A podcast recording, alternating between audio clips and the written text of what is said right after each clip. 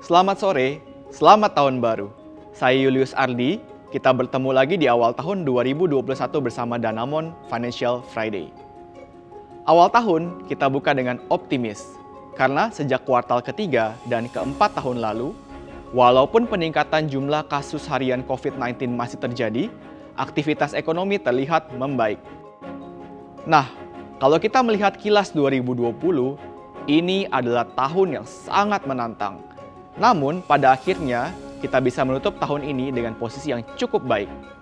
Lalu, bagaimana dengan proyeksi 2021? Bagaimana pandangan Danamon menyikapi 2021 nanti?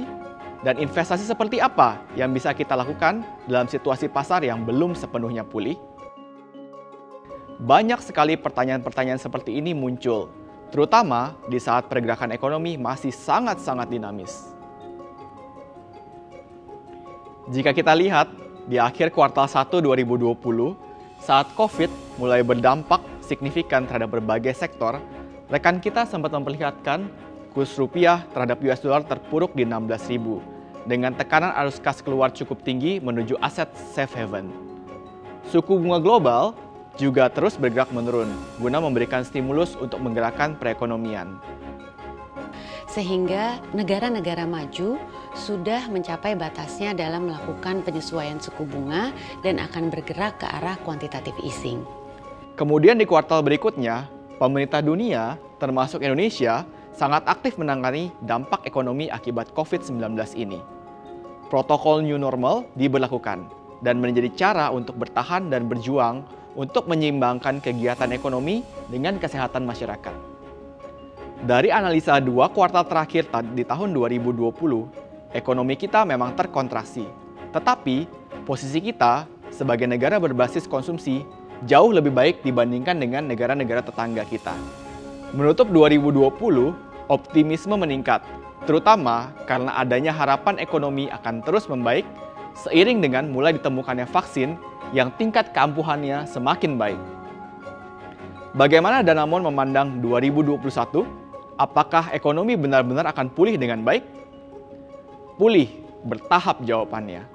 Indikator perekonomian domestik pada bulan November tahun 2020 menunjukkan perbaikan dan memberikan sinyal bahwa proses pemulihan terus berlanjut. Kami melihat bahwa hal ini akan berlanjut pada tahun 2021, terutama pada paruh kedua seiring dengan meningkatnya kepercayaan masyarakat dan dunia usaha terhadap prospek ekonomi. Dari sisi pendanaan, jelas terlihat bahwa dana pihak ketiga yang tinggi berpotensi dibelanjakan apabila persepsi investasi terus membaik. Tentunya, kinerja tersebut akan bergantung kepada implementasi yang berkaitan dengan distribusi vaksin serta penerapan kebijakan protokol kesehatan. Peran pemerintah masih sangat diharapkan untuk mendukung pulihnya dunia usaha dan konsumsi dalam negeri. Pemerintah masih mempersiapkan dana senilai 357 triliun rupiah sebagai stimulus ekonomi pada tahun 2021 dengan fokus untuk mendorong daya beli atau permintaan masyarakat selain melanjutkan transformasi digital dan pembangunan infrastruktur. Sementara itu, Bank Indonesia selaku pembuat kebijakan moneter memiliki ruang untuk menerapkan kebijakan moneter yang longgar melalui suku bunga yang rendah dan menambah injeksi dana ke pasar. Terlebih, pemerintah terus berupaya mempersiapkan peraturan turunan atau teknis dari Omnibus Law yang dengan berbagai kemudahannya diharapkan dapat menarik investasi asing langsung dalam jangka menengah.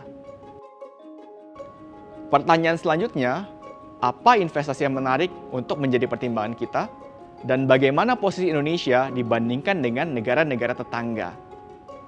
Pasar modal merupakan alternatif pilihan yang menarik bagi investor untuk berinvestasi di tahun 2021.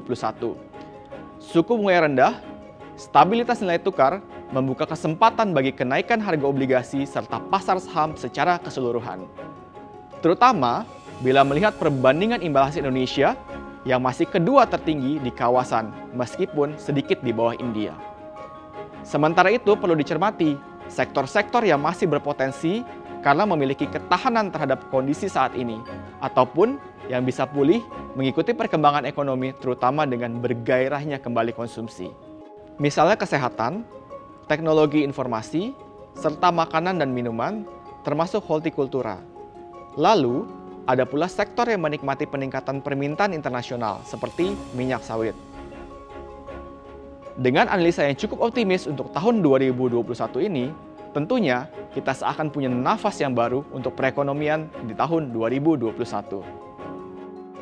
Sekali lagi, selamat tahun baru. Stay healthy, terus semangat, dan Danamon Financial Friday akan terus mendampingi Anda dengan info menarik, analisa lengkap, yang bisa Anda jadikan panduan dalam mengatur langkah-langkah investasi dan bisnis ke depan. Saya Julius Ardi, sampai jumpa di Danamon Financial Friday episode selanjutnya, dan jangan lupa ketik tanggapan Anda di kolom komentar, klik like, dan share.